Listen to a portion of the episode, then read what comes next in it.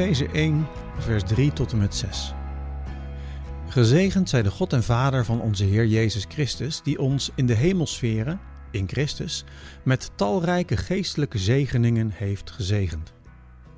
In Christus immers heeft God, voordat de wereld gegrondvest werd, ons vol liefde uitgekozen om voor Hem heilig en zuiver te zijn. En Hij heeft ons naar Zijn wil en verlangen voorbestemd om in Jezus Christus Zijn kinderen te worden tot eer van de grootheid van Gods genade ons geschonken in zijn geliefde Zoon. De vorige keer hebben we gezien dat God door Jezus de heipalen van de kerk legt, in die eerste twee, drie versen van de Efezebrief. Het fundament waar de kerk op functioneert is Christus. Paulus begon al met een duidelijk statement: Ik ben van Christus, jullie zijn van Christus en nu wensen we elkaar de vrede van Christus toe.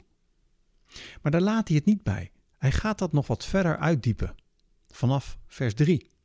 En in vers 3 schrijft hij dat God ons in Christus in de hemelsferen met talrijke geestelijke zegeningen heeft gezegend.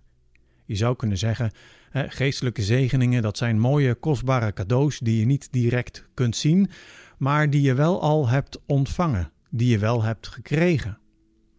Zo zegt hij in vers 4: Jullie zijn vol liefde uitgekozen. En in vers 7: Door zijn bloed zijn jullie verlost en vergeven. In vers 11 zegt hij: Jullie hebben hoop over jullie toekomst ontvangen.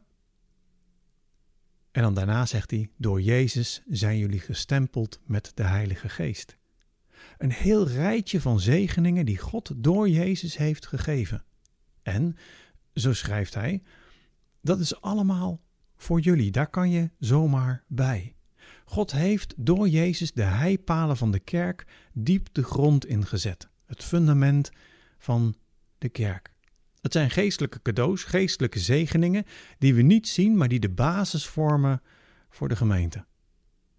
Je zou het ook kunnen vergelijken met de wortels. De wortels waaruit de kerk groeit. De kerk als iets levens, groeiend en bloeiend, vanuit het werk dat God door de Heer Jezus heeft gedaan.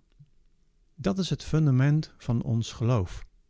En even voor de duidelijkheid: Paulus zegt dus eigenlijk: daar hebben wij niets aan gedaan en kunnen we ook niets aan veranderen. Dat werk heeft God gedaan, door Jezus. Het eerste hoofdstuk van de Efeziërs leert mij: de kerk is niet wat wij doen, het is wat God doet. En natuurlijk we doen wel mee, maar de basis die Paulus allereerst legt, is dat de aanwezigheid van Christus en het werk van de Heilige Geest, dat is de basis. Dit maakt de kerk. Dit is de kern van kerk zijn.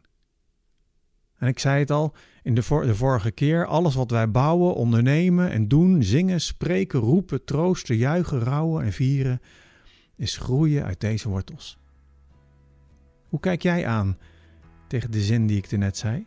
De kerk is niet wat wij doen, het is wat God doet.